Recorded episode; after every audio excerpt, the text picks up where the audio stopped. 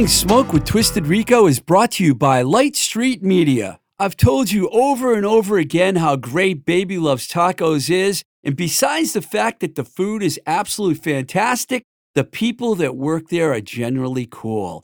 They have two wonderful locations in Pittsburgh, the main hub located at 4508 Liberty Avenue in the Bloomfield section of town, and their second location, Baby Loves Tacos, Oakland, located right smack in the middle of the University of Pittsburgh campus. Every college kid needs a burrito or at least two or three tacos a day to help them study, right?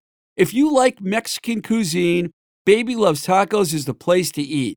For daily updates on what's happening with the Baby Loves family, head over to their Instagram pages at Baby Loves Tacos Bloomfield and at Baby Loves Tacos Oakland. Or if you're anywhere near Pittsburgh, stop by Baby Loves Tacos, tell them Twisted Rico sent you. Baby Loves Tacos, where everybody eats. Hello, ladies and gentlemen. Let me introduce you to Spectacle, the ultimate eyewear experience. Located in Boston's historic South End neighborhood, Spectacle offers four season style service at Red Roof Inn prices. Join proprietor Paul Fox, the rock star himself, as he guides you through a carefully curated collection of logo free frames, all at under prices. Visit Spectacle, the ultimate eyewear experience.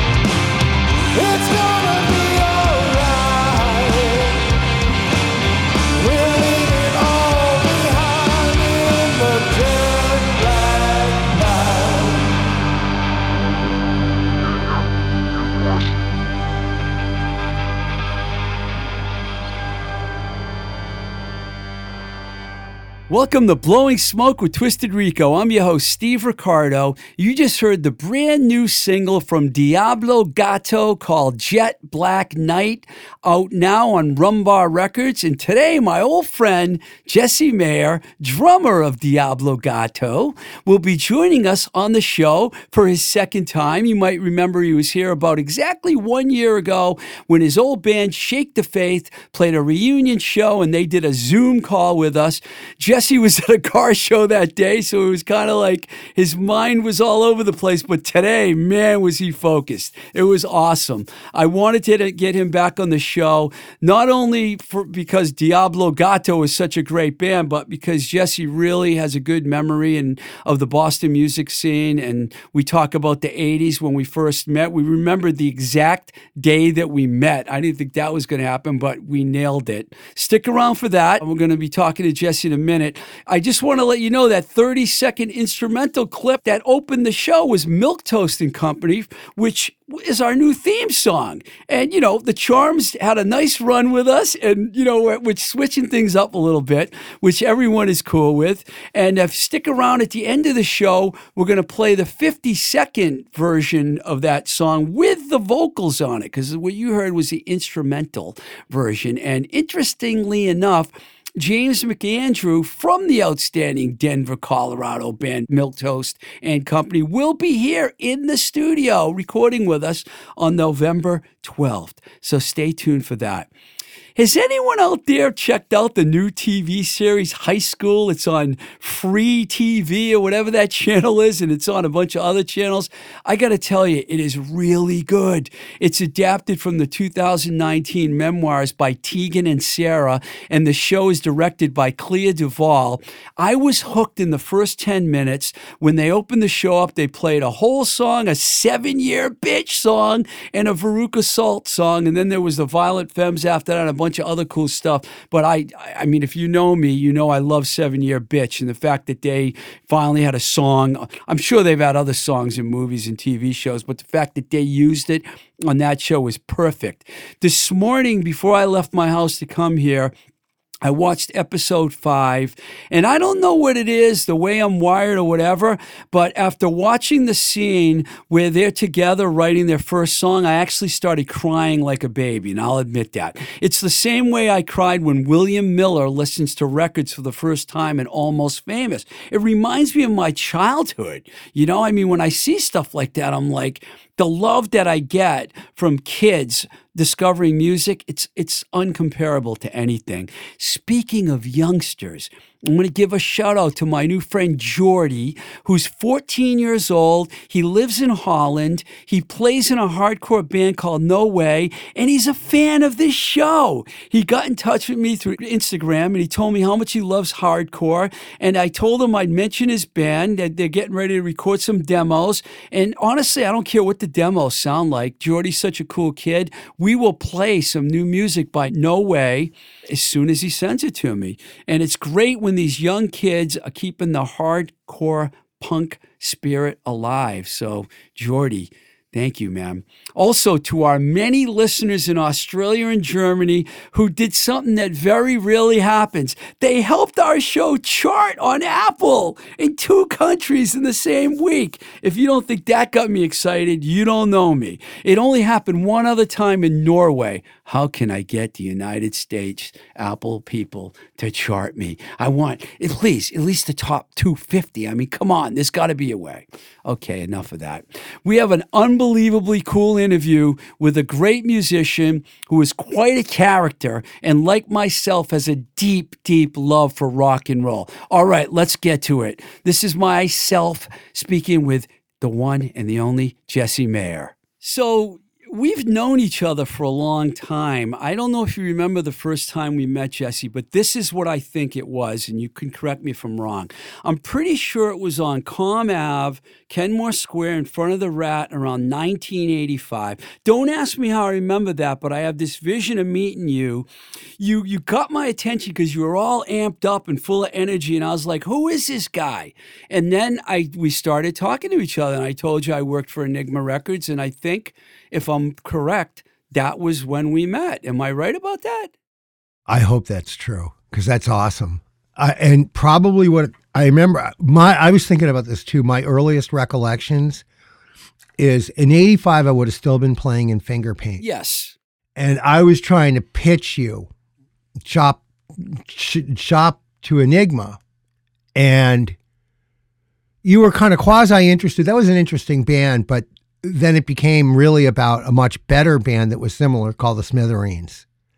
Am I right? It was the Smithereens show that Was we it? met at. That's right. 1980. that's Smithereens at the Rat? yes. Yeah, yeah, yeah. It's really funny because we were, Mike and I, Mike Nash, were talking about that before. That's the night I met you. Okay. I flew out to see the Smithereens and they were playing at the Rat. Wow. Holy, sh- you just put that whole thing together. That could be probably two of my most sec- uh, disappointing nights in that era. The other one was uh, being at Storyville, and um, it there- was disappointing meeting me. no disappointing because the Smithereens were better than we were. I never said that though. No, but I, but Scott- I knew it to be true. Scott Vanderbilt, who I worked with at Enigma, he's the one that gets credited for signing the band. I went out to see the band, and when I went back, the owners of Enigma looked at me in a meeting and said, I want to, I want to know right now, can they sell 10,000 records? Because if you say no, we're not signing them. So I said, yeah. They went gold. Yeah, I didn't have a problem with finger paint, though. I thought you guys were a good it was band. an interesting band. So yeah, that's when we met. And uh, I just remembered that. Uh, and That's a this cool morning story. on my way here, I was thinking about that. So why don't you tell me where? I'm not sure where you grew up and how you got into music, but I want to hear that. Okay. Where, where, tell us the story about your childhood. I grew up well. It all started when uh, I uh, went to high school in Concord, Massachusetts, and I'd been playing drums on and off since I was about eight years old. Um, you know, starting playing on, I'd steal the trash cans from around the house and uh, put together a, a little drum set with paper route money. And I always hated practicing all I wanted to do was put on headphones and play the records. So that's how I learned to play, playing the like Stones records and Cream and and, and Zeppelin and that sort of stuff best I could. And I, I think that resulted in me. I've always sort of been that way. I have horrible chops, but good feel.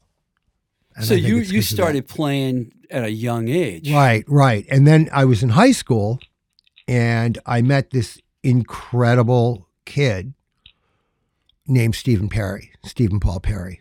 And I went to high school together, who later on went to be in orchestra, uh, Luna in Berlin Airlift. Oh yeah, yeah. He's dead now. Um, and Stephen was this burning guitar player. And we were playing together a bit in high school. Um, but in high school, also, uh, I was doing a lot of drugs, a lot, lot. And um, I was an addict and I didn't know it. And sort of everything kind of fell away to drugs and delinquency and being a shitbag teenager. And years later, I wound up, I, I took a few years off. I wound up at Hampshire College in Amherst, Mass, where Byron Coley went and Jerry Chandler from the Neats and Brett Milano went there. Byron. Coley. I haven't heard that. Yeah, name. The yeah, yeah. He's a writer, right? right, really right. writer. And um, uh, one of the early, early punk bands, the Suicide Commandos, came out of there, that whole Northampton scene. And I was we fifth- love Western Mass. Mike Nash and myself. Yeah. we talk about Western Mass all the time. And at the time, um, I was video production major, and um, I was shooting bands at Rahars and at the Rusty Nail, like Burma, like the Hoods, on open reel black and white. This was like right at the punk explosion, and it was amazing. And I started playing bands. Uh, playing drums again in a band from Northampton called RUR. That was a little bit like X without knowing it, but not as good, obviously. And um, fell in love with rock and roll. And I moved to Boston in like 82. And one of the first people I met was Jay Potts, who, Oh, yeah. who we just lost, who was playing in Skin. And I did what we all did, you know, got in a band and spent every single night in the clubs. I think it was uh, Wayne, who said, you know, we ran so hard, terrified we were going to miss the next cool thing, the next loft party, the next gig. It was amazing. We didn't even know how good it, good we had it. The Boston '80s scene was incredible. It was wasn't it? ridiculous, and and I don't want. I I, I hate waxing too nostalgic because you got to move forward. You know, you have to move forward.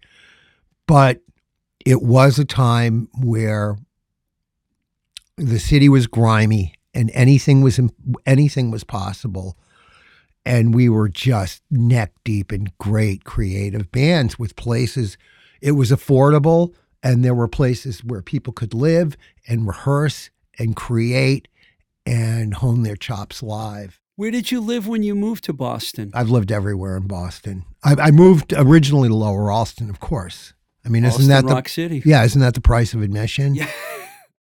But I've lived all over the city, and um, I haven't lived in the city now in over twenty years. Uh, I wanted to ask you. I will make this a two-part thing because you're like me. You're really into the Boston history, and we're going to talk about that later. But were there any drummers in particular that influenced you in your early days, both uh, you know, international and local, or you could separate them or any way you want?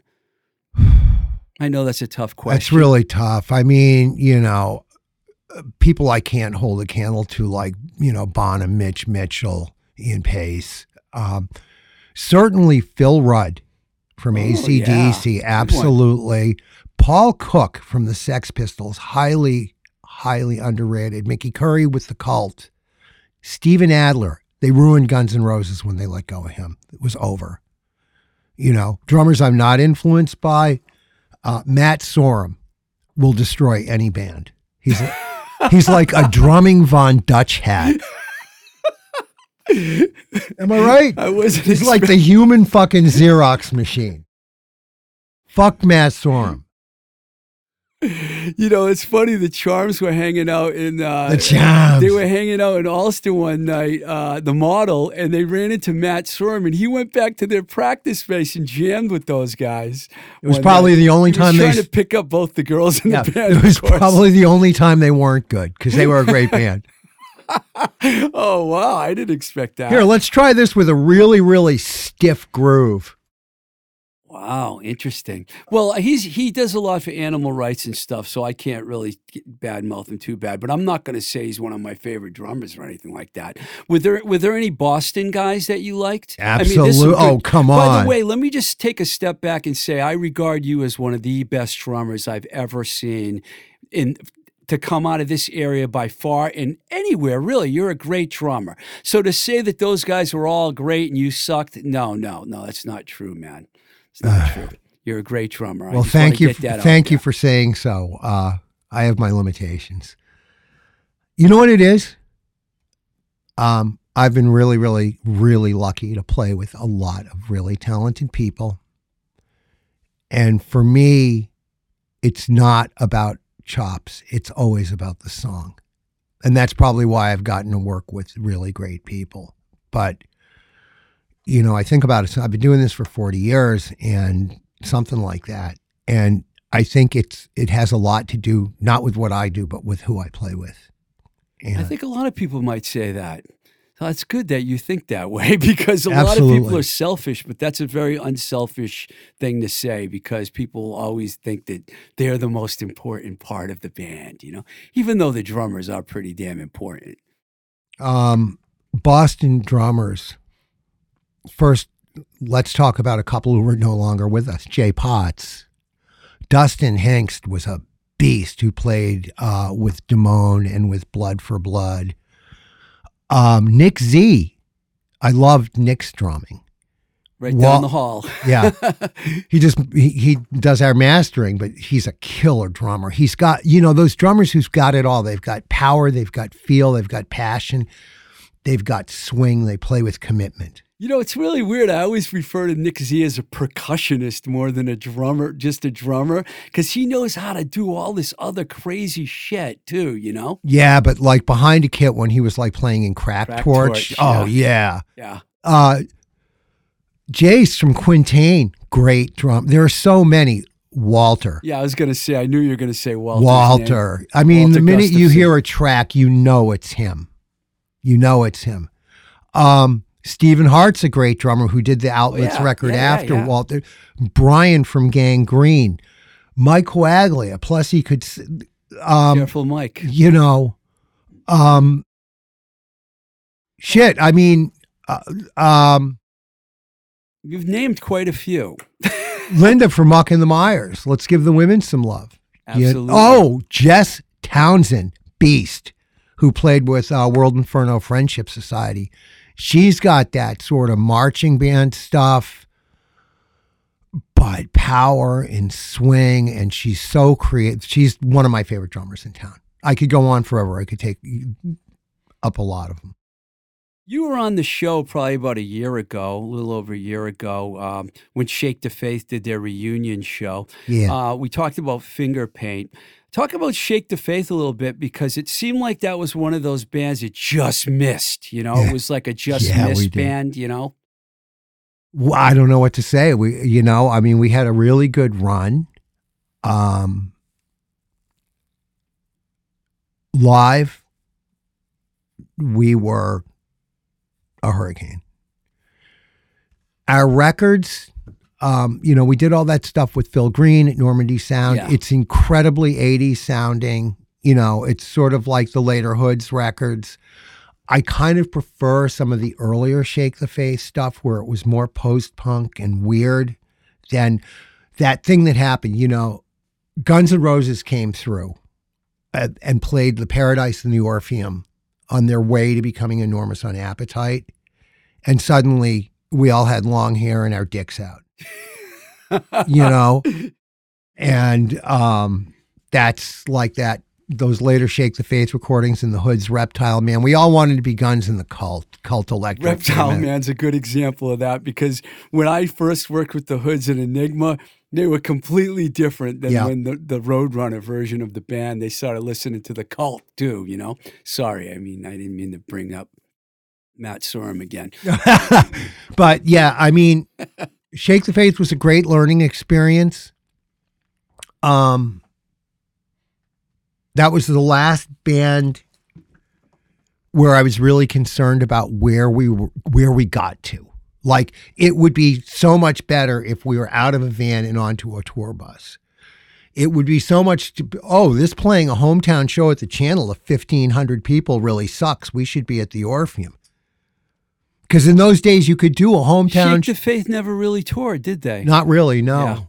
Um, and Casey Lindstrom was a really great teacher. You know, I don't know whether I was able because he was coming out of the New Models and out of Yeah. Ric Ocasek's band, and he'd been like a superstar in Boston prior to Shake. Permanent Vacation, one of the all time great Yeah. Boston tracks. Um, and he used to really preach: if today is as good as it gets, appreciate it because tomorrow it can be gone. And even on a small level, like I, I was talking to my girlfriend Michelle about this the other night. Like we just released Jet Black Night as a single and a video, and for a little band like us, Diablo Gato. yeah, for Di- Diablo Gato, it's been really successful. A lot's been written about it. It's getting played all over the world. The video's chugging right along. You know, for us, a thousand views in a couple of days is substantial. And it's not about like, oh, if we do these numbers, we're going to become this. It's only a matter of let's make art and do the best we can at putting it out there. And if people like it, that's really cool. Good attitude. Um, I think the worst thing that can happen is to be ignored. That's that's painful when that happens, and you I don't think that's going to happen with this band. We're going to talk about this and the video, but I wanted to just for a couple seconds here talk about some of the other things you did because you've done a lot. I remember the Marvels. They were a really, really good popular band in the early 2000s. Yeah. And I have to ask you the moniker Jesse Von Kenmore, how and when did that happen? before the Marvels, I played. I was just having fun playing in a cover band that only covered punk rock songs, Yeah. and about half of them were from Boston, called the Kenmores. And we had Citgo gas station uniforms made, Yeah. but the logo said Kenmores. So everybody started calling me. This is like around 2000 or something. Um, and Fred Pinot from the Atlantics was in that band. And Felony Phil Suarez, also who we've lost to cancer years ago, was in that band. Um, and it was wicked fun. And it did really well. Like we played a hometown throwdown with the Bosstones. It was because because Dickie was like, "Yeah, you guys cover Eddie by the Outlets. Come on, let's go." and Mark Kennedy was the singer. Um, and people just started calling me Jesse Kenmore because that's what everybody does. So somehow it became Von Kenmore. And And you still got that moniker. yeah, I've sort of let it go a little bit because uh, somebody ratted me out on Facebook years ago. So it can't be my Facebook name anymore because they were mad at me. Really? Yeah, I think so. Oh, Yeah, I think, weird. yeah. Um, So that happened before the Marvels. My I, Yeah, the yeah, history is yeah, yeah. little, you know, 'cause Yeah. we're talking 20 years ago now. The Marvels was the best punk rock band I was ever in. There's a video, God, more people we've lost. After Michael Gill passed, with Michael Gill in the Bieber archives or something, I was talking to Michelle Paulus about this last night. There's a video. she was the bass player of the Marvels. Yeah, Yes. and I was at the Stars Like Us gig last night. It was their record release. Um, there's a video now online of the Marvels reunion show at 2000 in 2009 at the Midi Stop. really? It's insane. I It's remember the nuts. Marvels. You guys were really good. I saw you at the Abbey, the Abbey Lounge. I miss the Abbey. That was something else, wasn't it? It Have you have you seen Babes? I have to see them. I- That they're an Abbey Lounge band. Ba- They're they're like the new Abbey Lounge You know, band, but you know, a uh, capacity 110 at the Abbey Lounge, but you know, there were many nights where it seemed like there were more than 110 people. The Sylvain Sylvain show for one of them. that was my first show with the Marvels. No, no, I was the, the Sylvain sh- Sil Sylvain show in Portland, Maine was my first night. it was that same tour. Yeah, Yeah, I remember because the the one at the Abbey, Caged Heat, and uh, by Pol- no, who was the other band? I can't remember the other band. There was another band on the bill, but I God, I wish Caged Heat, Biopop, Biopop. I wish Caged Heat had held it together. yeah, I didn't know if you wanted to talk about that or Absolutely, not because um, absolutely. I was the I was man I was actually your manager for a little while. Yes, Um, Caged Heat with the lineup that that you were in was by far the, the most amazing lineup. Unfortunately, there was some problems going on at the time. Nothing that had to do with you, Jesse. It within the band, and we don't even have to go there. Well, you know what? Uh, Jill deserved better treatment from me than she got, and she and I have talked about that. I really needed to. Oh, I owed her an amends on that. I was a lot more strident. I mean, I don't want to put stuff too out there, so people listening are going to need to read between the lines on this. I was a little more militant and strident, and less kind and com- far less kind and compassionate towards myself or the rest of the world at that time. That was 20 years ago. And I was also a brand new father, brand new and terrified. Uh, Jill and I were talking a lot right before the camp, the pandemic hit, and I've been meaning to shoot her a text. I would love to make music with her again. I think she's a genius. we're talking about Jill Chili Kurtz. Yeah, absolutely. She is a badass. Um, Well, let me tell you, the cage Heat shows that I saw, you guys did that little bunch of dates with Scissorfight. Those shows were incredible, man. yeah, They were really incredible shows. you know, in another time and place, that band could have really been something. We were just scratching the surface. That was with Tony Savarino, John Patingolo, myself, and Jill. I have a picture of that band lineup. in my. Oh, Yeah, the photo session that you guys did was outrageous. when Jill and I were both blonde. Yeah, I think I had black nails back then too. Um, but yeah, she's. I mean, we've talked about having her. I've talked with her. The the Diablo guy, Gato guys don't know her. Um, I'd love her to come up and sit in on harp on a couple of songs. You know, Sonny Jim Clifford has done that with us and played a couple of songs on the uh, old That's scratch. punkified record. blues enough for her, I think. Oh yeah, she she would be into it. I mean, yeah. cool. Um, I, I'm going to shoot her a text over the weekend. awesome, man. Have you talked to her? Oh yeah, we talk fairly regularly. We're we're still tight. She's know? awesome. You know, I, and and um, I mean, I agree with you. She's amazing. I mean, Yeah. she's she's little Walter meets Iggy Pop. You know, in a female form. You know, I mean, Exactly. pretty much. That that's exactly what she Yeah. is. Um, Let's just jump ahead here because we want to talk about your your current project, which is fantastic, which has been your current project for a while. I got to ask you, the name Diablo Gato, which means devil cat. Yeah. How did you? Who came up with that? How That's did a- that all happen? Uh, that's a great question, and I should remember exactly. But we were trying to name the band Why did you name yourself Devil Cat? because the two things we knew, we didn't know what we were going to be, but there were two things that would have been really obvious for us to be that we absolutely wanted to avoid, which was a typical psychobilly band or social distortion light. These were the things we Yeah. wanted to avoid and to avoid those cliches.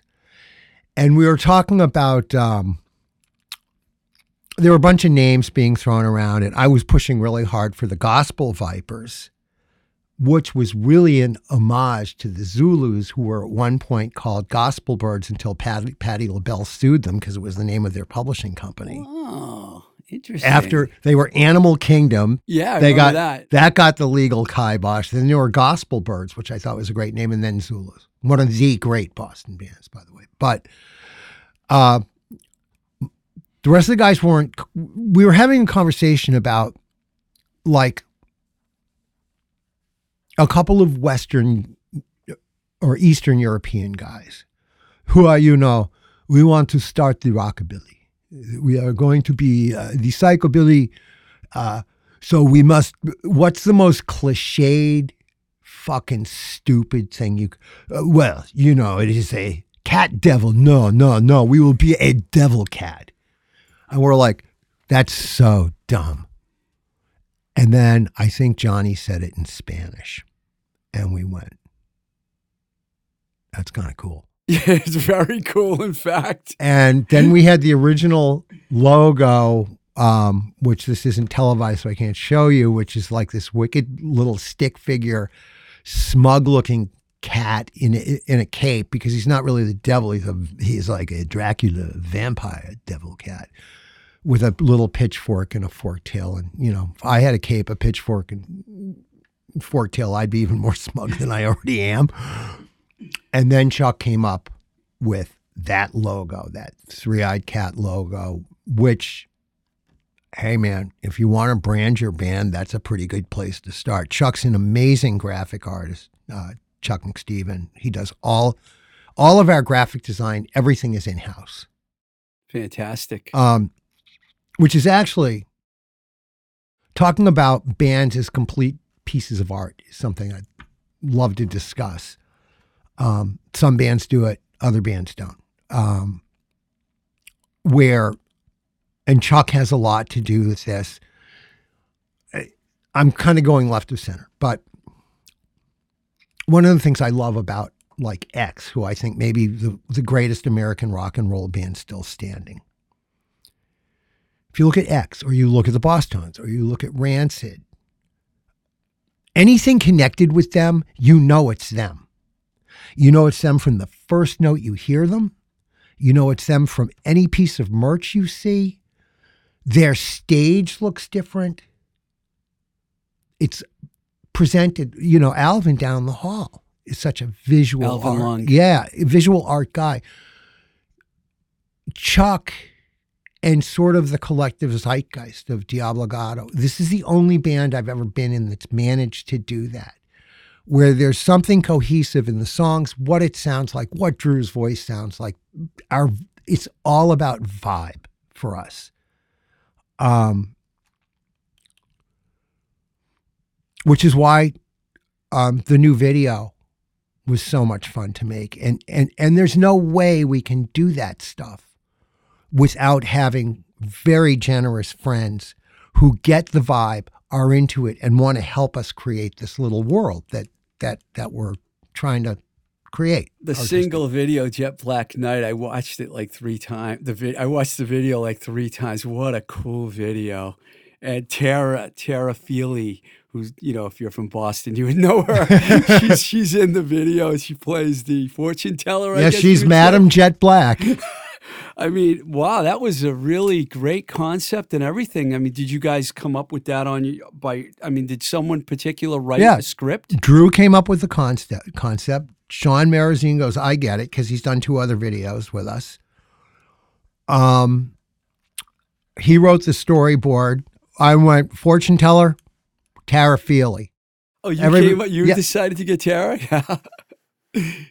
Uh, We talked about it before. I mean, Tara has such a New Orleans sensibility. She's spent so much time in Louisiana. That vo- voodoo, gree fucked up Santeria kind of thing.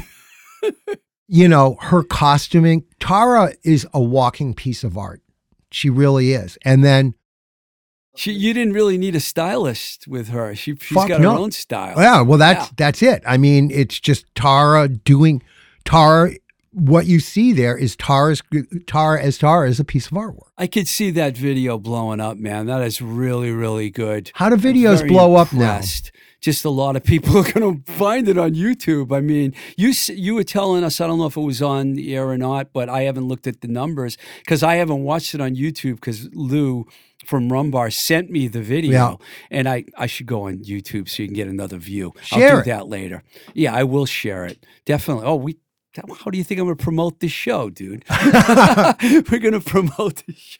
It's really. Oh, that's really right. You've good. been in the business for Yeah, a minute. It's really good, man. it's really good, and uh, it just just the single is just released now, or is it out yet, or Uh, what's the it- deal? we released the single a week ago Wednesday. Um, And you've been working with Lou at Rumbar for a little while now. well, so- yeah, and here's the thing: Old Scratch was uh, Mark Lind, State Yeah. Line Records. Um, that was before Rumbar. yeah, Yeah, and we loved working with Mark. We're really, really old friends. And um, speaking of getting to work with great people, uh, I got to work with Mark on the um, Unloved Last Bastion record, yes, you did. which was really, really a cool project, and that's a really good, good record. I adore Mark. I like Rob too, you know, but There's probably about 10 other projects that you've worked on, Jesse, that we haven't even mentioned on this show because you have participated in so much. In you say 40 years, I'll take your word for it. It's probably close to 40. close to 40. I'll, I'll tell you something. Um,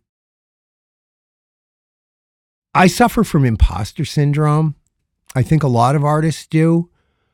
Uh, I think a lot of uh, recovering addicts do because of where we come from. And I can remember driving to the first sessions at um, Mad Oak. Mad Oak. Mad Thank Oak, you. Benny Grotto. Benny, Benny Grotto sessions for the Unloved record and feeling like, oh my God, I have no business doing this. I'm a total fraud. I'm faking this, like th- th- th- this this inner dialogue going on. And I sort of like looked at that thought and went, well, all right, what have you done? Who you played with? And I've actually had um, You got to put it in perspective. A I more- relate. it's really weird because I'm old as fuck. You Uh, look good, dude. thanks, but I'm really old. You know, I'm past 60. And um, I've actually um, probably had a more creative and more um, more creative and more fortunate uh, journey career whatever you want to call it in the last 20 years past 40 years old It happens. That's, you know i it mean happens. Caged Heat, Eye of the Cat, Ragged Old Flag, Unloved, New Alibis. New alibi. See what I mean? Yeah. That's another great band you were in. Drew and I, Drew and I have been each other's long. It's amazing we put up Yeah, you guys are other. great together. It's amazing. They say every every great band needs a great singer and a great drummer. Perfect example. Drew right and there. I have worked together for over 10 years between those two bands. I've never been in a band as long as I've been in Diablo Gato. Not even close. I think we're going into our ninth year this winter. It was 2014. The first record came out in 2016. That's fantastic. Man. So anyway, I sort of uh, I took a big left turn here. Sorry about that. that happens on this show. I'm going to take a really huge left turn before I let you go here, and I should have probably told you I was going to do this, but I'm going. to I think you'll be fine with it. I wanted to ask you. Uh, you you kind of hinted at this in the text message about top three, top five. I know you've been on this scene for 40 years. I'm giving you a little time to think, so I need to know who you're who you think uh, your your favorite. Like I don't know, give me five bands, your top five.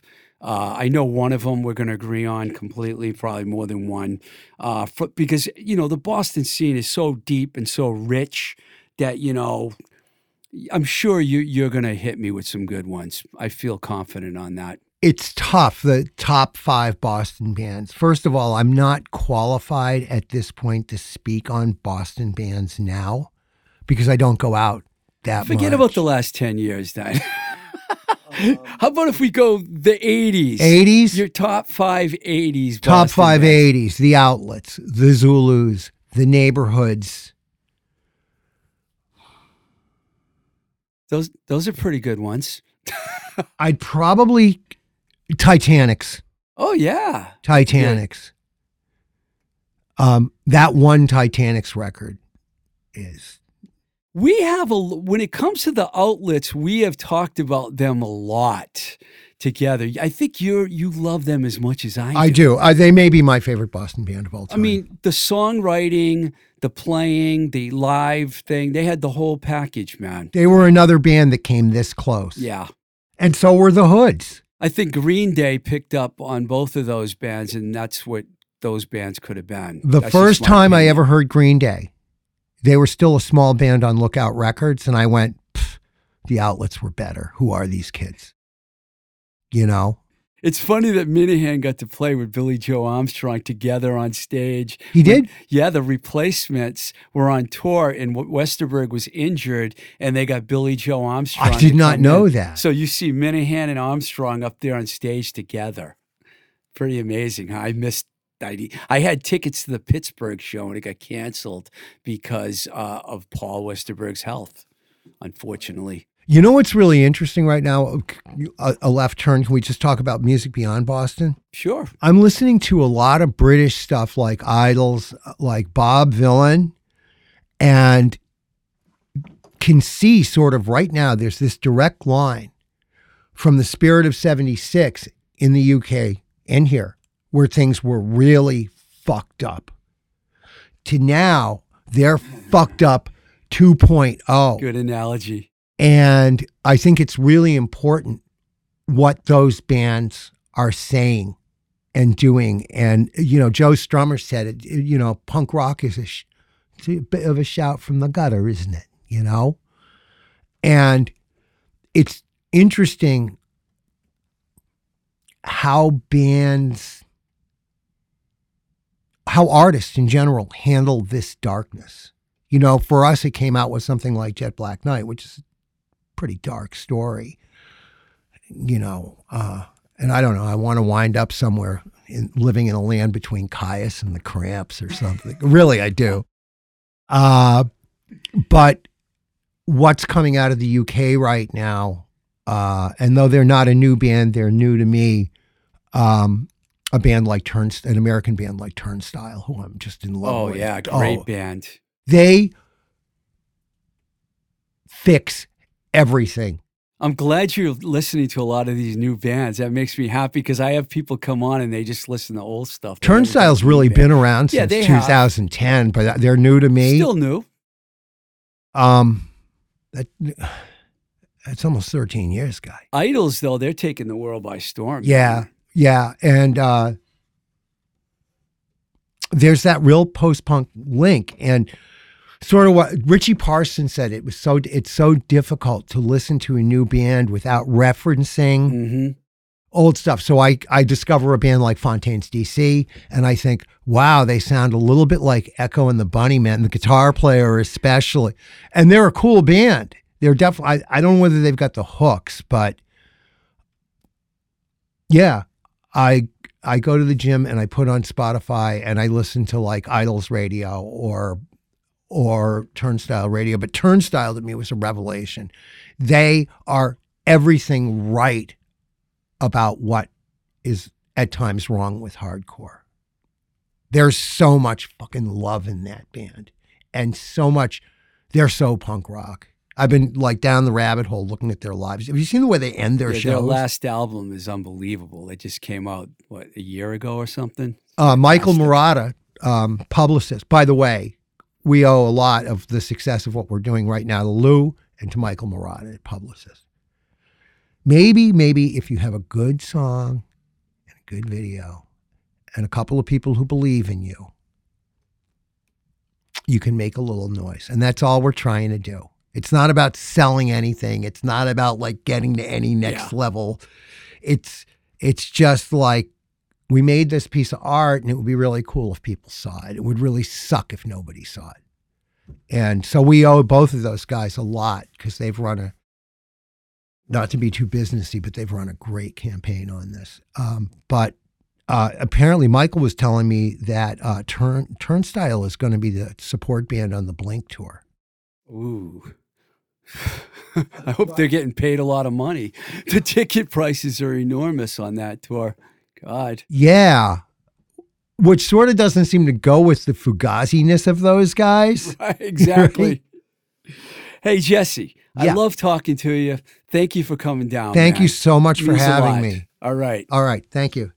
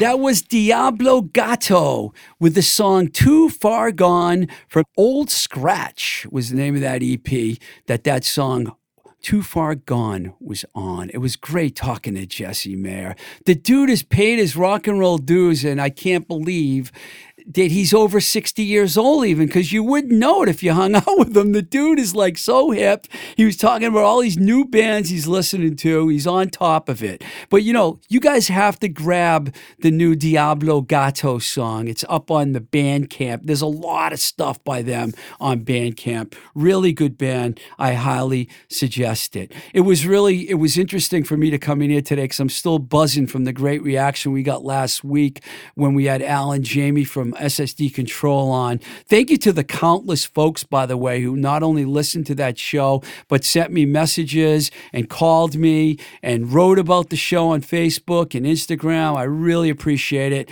Thank you for the support. And if you want to even go further and support this show, Check out our Patreon page on patreon.com forward slash Twisted Rico. I put some more stuff up there this week. I have not done a good job of keeping new stuff up there, and I, I promise you, I'm going to put more up there. We also have a homepage at anchor.fm forward slash blowing smoke TR. You can check us out on Instagram at blowing smoke with TR. We have a Facebook page, a Twitter page, a YouTube page, TikTok at Twisted Rico. I put up some clips from the SSD interview. They're really cool. My friend AKA Penny Lane shot them. They're really good. Check them out. And you can write me anytime at twistedrico at gmail.com where you can send me music, uh, messages, whatever. Thank you to Baby Loves Tacos and Spectacle for supporting the show, and also Mike Nash here at Voice Motel for doing a lot of great work for us. On and on and on. Thank you, Mike, for that. Until the next time we say goodbye, this is Blowing Smoke with Twisted Rico. I'm your host, Steve Ricardo. Keep the rock and roll alive. Blowing Smoke with Twisted Rico is brought to you by Light Street Media.